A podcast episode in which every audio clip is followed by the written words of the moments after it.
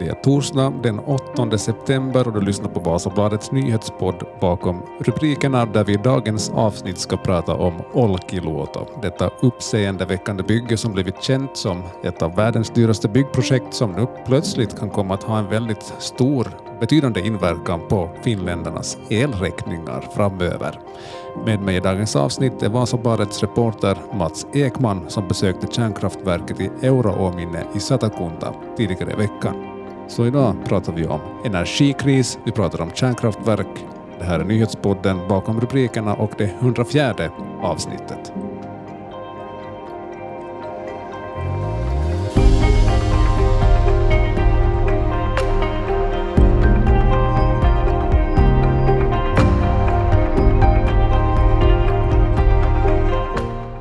Om vi börjar så här inledningsvis med lite bakgrundsuppgifterna för lyssnarna så var tanken med den här tredje reaktorn att, att man skulle börja bygga den då vid kärnkraftverket i Euraåminne år 2005 och enligt den, den ursprungliga tidtabellen så borde den här reaktorn ha tagits i bruk då redan år 2009. Mats, du besökt Olkiluoto tidigare i veckan. Hur, hur ser det ut nu då du, då du var där? Är det fortfarande byggställningar eller hur långt är man på väg? Eh, man är nog på målrakan kan man säga. Där, några byggställningar och sånt ser man nog inte längre utan, utan där reaktorbyggnaden där så är nog klar och, och, man producerar ju faktiskt elektricitet här nu. Ganska hög effekt, det var lite över 50 procent av full effekt, det var där i måndags. Eh, eh, cirka 850 megawatt. Och det här tar man ju upp stegvis då och sänker, höjer, sänker tills man får tillstånd då slutligen för, strålsäkerhetscentralen för, för det här 1600 megawatt. Mm. Men jag var faktiskt där också 2005 när, när man då hade alla lov klara och, och det var klart för byggstart. Då med de olika aktörerna och det, det var februari 2005 och då sa man ju att, att 2009, hösten 2009 så, så kommer det här att vara klart men ganska fort så kom den första förseningen och sen har det blivit försening efter försening efter försening mm.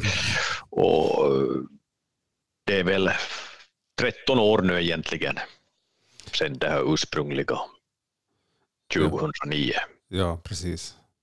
Ja, det har varit upprepade förseningar av olika orsaker under årens lopp och eh, även om man då först sa att 2009 så ska elproduktionen vara igång så nu 13 år senare eh, är man inne i det här viktiga skedet med, med tester där på Olkiluoto och med den nya re reaktorn. Eh, nu då så har Olkiluoto 3 blivit hela Finlands angelägenhet. Varför har det blivit så egentligen? Ja, det här är en ganska intressant sak. Eh, på, vi byggde i Finlands eh, fyra första reaktorer på sent 70-tal och början av 80-talet. Och, men sen blev det en längre paus då på, på, av olika orsaker, bland annat Tjernobylkatastrofen och sånt som gjorde att, att eh, kritiken då mot kärnkraften då som energiform så, så ökade och, och det fanns ett kanske riktigt politiskt stöd då för de här planerna på, som också fanns tidigare på att man skulle bygga ut kärnkraften ytterligare i Finland. Och, och I andra länder, vi, vi ser i Tyskland och Sverige, så, så fanns beslut på att, på att fasa ut och avveckla kärnkraften, vilket man idag faktiskt en, till en del ångrar, eller en del ångrar de här besluten, för nu skulle man behöva, behöva dem. Eh, det, det, blev ju, kärnkraften har ju på det sättet också blivit grönare under åren på, på grund av att den inte har något koldioxidutsläpp och, och, och motverkar på det sättet klimatförändringen. Så, eh, och här har ju man sett till exempel inom, inom gröna rörelsen, gröna partiet, så, så eh, har ju är det fler som talar för kärnkraft idag än, än förr.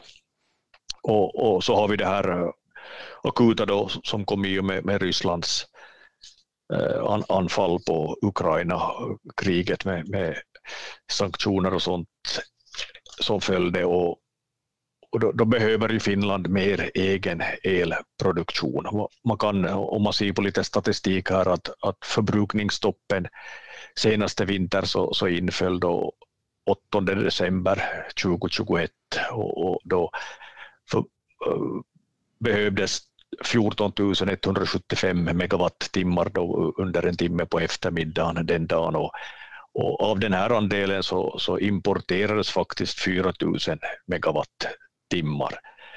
Så det är de här effekttopparna som, som man nu hoppas kunna jämna ut också lite med, med, med Olkiluoto 3. Och, och de här 1600 megawatt som kommer till på marknaden så, så hoppas man nu täcka den här importen från Ryssland som ju har upphört helt och hållet. Och, och Ryssland har ju varit en stor exportör av, av el till Finland under årens lopp. Det handlar ju förstås här om att, att nu, nu, nu vill man ha Olkiluoto som, som en, en del här för att, att trygga kapaciteten try, try, och, och, och elförsörjningen. Trots de här jättemånga förseningarna som har varit under årens lopp så, så med facit på hand så kunde ju tajmingen inte vara bättre än att man nu i vinter skulle kunna starta igång det här. Ja, på, på det sättet just där, där så, så kan man också bland eh, teollisuuden voima då, eller industrins kraft så märker man nog också en viss, en viss ska vi säga, jag ska inte säga glädje, men, men att man, man märker att man har en annan, det finns en annan inställning nu till hela det här projektet och, och till, till, till Olkiluoto 3 än vad det fanns för, för fem eller tio eller femton år sedan. Ja. Att visst, visst kommer det fortfarande gliringar, blir det färdigt den här gången? Det, det ställdes också sådana här frågor, frågor i måndags då jag var där att vad är det som säger att, att det lyckas denna gång och de ja. hänvisar förstås till sitt, till sin testkörningsprogram där då med, med att allt går nu enligt det här. Och då man, eh, man kan ju också tänka, svänga på det och tänka att det är ju egentligen en positiv sak att man upptäcker fel i en sån här testkörning och det visar ju att, att strålsäkerhetsskyddsmyndigheterna eh, stuck och de här att göra sitt jobb och, att man, man har koll på det här. Bättre att man upptäcker fel och brister nu än sen. Ja, det är ganska fort glömt sen alla förseningar när man väl har igång det. Ja, och, och såklart när ett kärnkraftverk har den stora fördelen att det kan ju det, det producerar ju stö, allra största delen av årets timmar. Elektricitet. För det mesta på full effekt är något serviceuppehåll eller sånt där. Och, och därför är det en stabil, det, det är en basenergi då till, till skillnad från vindkraft eller solkraft. Och vinden är ju ett jätteviktigt komplement som byggts ut mycket med, med jättestor installerad effekt. Men vi har, vi har ju vissa dagar när det nästan inte blåser någonting alls och då, då då kommer det ytterst liten produktion. Mm. Så, så det, det, det, är det som är lite dilemmat här att, att det behövs den här basenergin. Som, men i vinter som det ser ut nu så kommer vi behöva precis allting som ja. vi bara har. Mm. Om det blir en, en, en, en kall vinter om, om energi, eller el, elförbrukningen är hög. Ja. När man är igång med de här testerna nu, med, vad är det senaste budet om när, när är man igång med full effekt och kommersiell elproduktion? Eh, som sagt, man får de här myndighetstillstånden och, och också här under den här testfasen som pågår nu till, till december ska man ibland köra upp till, till maxeffekt och så går man ner på nytt och så går man upp och så är man lite högre. Och, men, men enligt det besked vi fick så i början av december så, så ska man kunna ta det här i kommersiell drift och att börja köra som, som normalt. Som, all, all det här som produceras nu går ju redan ut till, till stamnätet förstås. Så det, det, det här eh, som producerades nu här i, i eller de här senaste dagarna kring 850 megawatt med den här effekten och det, det, är ungefär i samma storleks, lite mindre än vad Olkiluoto 1 och Olkiluoto 2, de här gamla reaktorerna producerar. Så, så de är som, i nuläget ska vi säga tre jämnt stora enheter där bredvid varandra på, på Olkiluoto. Redan nu så är det ju faktiskt den, enligt den effekten som då var så är det den tredje största elproducenten i Finland. Ja, ja. Bara med halv, med halv, ja. halv effekt. Ja, precis. Och när den här uh, Olkiluoto 3 då, det, det ju faktiskt kommer att bli Europas största reaktor då, med effekt och en bland världens största som mm. enskilda reaktorer. Så ja, ja. Det är ingen liten, Nej. litet elverk det här. Nej, precis.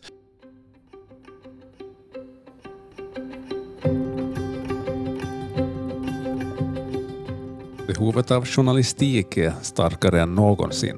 Vi här på Vasabladet gör varje dag vårt bästa för att du ska kunna ta del av det som händer lokalt, regionalt, nationellt och internationellt. Att prenumerera på Vasabladet är det bästa sättet att stödja vårt arbete så att vi kan fortsätta bevaka händelser och skeenden i samhället. Vasabladets nyheter hittar du bland annat i Vasabladets nyhetsapp och på vasabladet.fi. Följ oss gärna på sociala medier, på Instagram, Facebook och Twitter. Tack för att just du stödjer vår journalistik. Hur nära in på kom du där på området? Var du som i, i, riktigt in i byggnaderna? Eller? Ja, vi fick besöka den här turbinhallen. Ja. Och, och där, där är ju då den delen kanske inte lika spännande som den här där reaktorn, själva reaktorn finns. Men ser det ju förstås inte så märkvärdigt ut kan man tycka det är stort och det är mycket grejer och rör och mojänger och, och ja. Ja, man ska inte trycka på några knappar några extra. Där. Eh, nej, det fanns nog inte heller det det. Precis, ja. ja med, med tanke på hur, hur läget är nu då på, på marknaden. hur, hur kritiskt är det att man skulle få igång den här reaktorn med tanke på, på elförsörjningen i, i Finland? Så, så gott som alla bedömer att det är nog ganska, ganska kritiskt det här just det kan ju förstås bli en, bli en mild vinter med mindre behov och, och, och sånt eller någon av, på grund av höga elpriser så minskar, minskar förbrukningen men vi, det, det, finns en begränsad kapacitet i, i elöverföringslinjerna från, från Sverige. Förstås så att även om vi har dem till max så kommer inte det att räcka det utan att, att sen har vi reservkraftverk i Finland förstås som ska ge sådär, kunna jämna ut effekt toppen men, men här pågår ju en upphandling.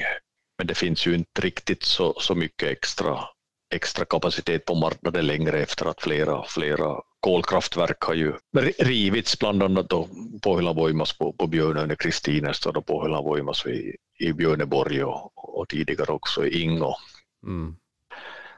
Fortums Ingo så, så det är kolkraft, kolkraften är på väg ut, fasas, fasas ut. Så, och situationen för några år sedan när man gjorde det här var ju förstås annorlunda idag. Det finns ju fortfarande ett stort kolkraftverk i, i Björneborg som, som Fortum äger och som det varit diskussion om varför de inte har startat upp det när det var så här höga elpriser. Men det är ju ett som också har funnits med i, som, som reserv ifall det blir riktigt kritiskt. Men, men svar på din fråga, ja, nu bedömer man att det är av yttersta vikt för, för vi är ju alla som följer med nu, nu diskuteras elransonering och myndigheten uppmanar oss att spara el och ger tips vad man borde göra och att man ska mera ved och mindre el och, och sånt. Ja, så, ja. så det, det är nog allvar om man säger på det sättet utan ja. att skrämma upp någon i onödan. Ja. Men om man då utgår från att de kan börja producera el då för kommersiellt Eh, kommersiell eldrift då i, i december, så som man har sagt nu, det, det, det, senaste budet. Kommer det ha någon inverkan på de här skenande elpriserna? Fungerar det så att det kommer att märkas på, i, i var och ens elavtal direkt? Ja, de som har, har, har sina långa elavtal så, så har ju de förstås, men det här är nog svårt. Överlag skulle man ju tycka förstås att ett ökat utbud så, så ska ju borde sänka priserna enligt sådana marknads, marknadens ja, logik. Ja. Men, men nu är nog trots det så, så, så är efterfrågan är ju så stor ja. på el så, så hur det kommer att inverka det här så hela, hela elmarknaden i hela EU och Europa så är ju lite, lite skakig just nu. Så. Men där uh, Olkiluoto 3 så, så ägs ju av, av ja, bland annat Pohjola Voima då och EPV Energi som där Vasa Elektriska delägare och flera andra elbolag så, och de enligt den här Mankala-principen då de, de, de producerar el till självkostnadspris till sina ägare men, men ägarna har ju förstås lagt ut en hel del pengar också mm. på det här men, men de som gick med nu så trots, trots den här 13 års fördröjningen och trots alla, alla problem så, så känner sig, antar jag, ganska nöjda i alla fall med att man får den, den här andelen av de här 1600 megawatten ja, ja. nu i, i vinter. Ja. Och, och, då är det upp till, till förstås elbolagen då att se hur det påverkar, påverkar prisbilden. Ja, precis. En liten tek teknisk fråga, men, men finns det någon risk att, att eh, teknik eller komponenter skulle ha blivit för, föråldrade och, och för gamla nu när det ändå är 13 år sedan, när det egentligen skulle ha stått färdigt? Att när man väl är igång så är det bara att börja byta ut de här grejerna. Eh, ja, no, visserligen en sån här reaktor har från första början byggts för att den ska ha en, ha en eh, livstid på 60 år ja. i drift. Så, så jag tror inte det. Man, man kan ju som tycka det där att första delen man satte på plats då för, för länge sedan så har den blivit gammal. Ja. Den nyaste och ja. sista kommer på plats men, men det är förstås nog en starkt säkerhetstänk här i, i hela, hela kedjan. Det som lite var där problemet när man började, började där på 05-07 och sånt att, att då, då hade det byggts så, så riktigt många kärnkraftverk och det här var, kallades den här tredje generationens, just den här, det här sorts tryckvattenreaktorn som, som Olkiluoto 3 är och, och lite så kanske man då, då experter som, som känner bättre till de här sakerna sagt att, att man överskattade kanske lite de, de muskler man hade då med, med, ja. med med arbetskraft och kompetens och sen med, med upphandling och, och underleverantörer och sånt. Så mm. De här eh, gamla enheterna där byggdes sent 70, början på 80-talet och de har, de har ju som kört över 40 år och fått och moderniserats hela tiden. Det sker en som ständig, ständig modernisering och, och har ju fått, har ju fått förlängd tid och, och, och effekten har ju ökat. Så så de här 60 år och man ser det också i andra länder att man har, man har moderniserat. Och, men de här finska kärnkraftverken så, så har ju så det internationell jämförelse nog varit, haft hög, hög driftsäkerhet och, och producerat mycket alltså. Men som sagt en intressant fråga. Ja. Det, man kan ju också tänka för sig förstås att, att det tack vare, tack vare det här också så har man kanske fått in modernare teknik, moderna programvara, allt, allting ja. som, som det här. Men, men som ja. sagt, det, det, måste vi väl låta på, på myndigheterna då, ja. så att de har koll ja. på det här. Så där avslutningsvis, nu när man pratar om december, jag tror att de flesta håller tummar och tår för att, för att den tidtabellen håller. Finns det någonting som kan sinka de här planerna ännu på att det, det skulle bli så?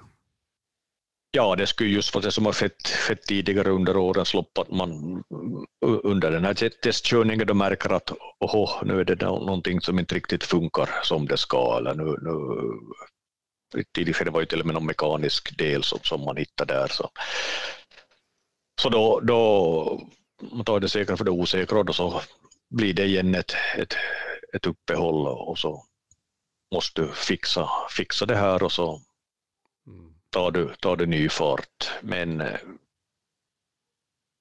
min tippning nu då förstås, då kan jag ha fel, men att det nog åtminstone där i december tror jag nog att man, man börjar ja. köra.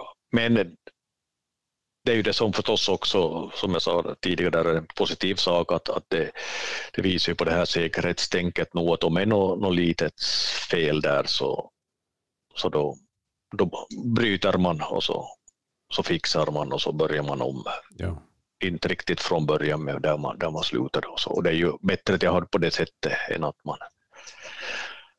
bara kör. Mm. just med det här med, med tekniken, det var en faktiskt där som sa det då att, att man då gäller också att det är faktiskt 40 år sedan, sedan den där fjärde reaktorn i Finland eh, i, in, togs i, i kommersiell drift så, så han sa lite sådär att man kan säga att de här två, två första reaktorerna på Olkiluoto de är analoga och den här tredje är den digitala. Så, så mycket har ju hänt okay. på de här åren också. Okej, okay, så vi får en digital reaktor den här gången. Ja. Precis. Tusen tack ska du ha för det här Mats Ekman. Tack så du ha.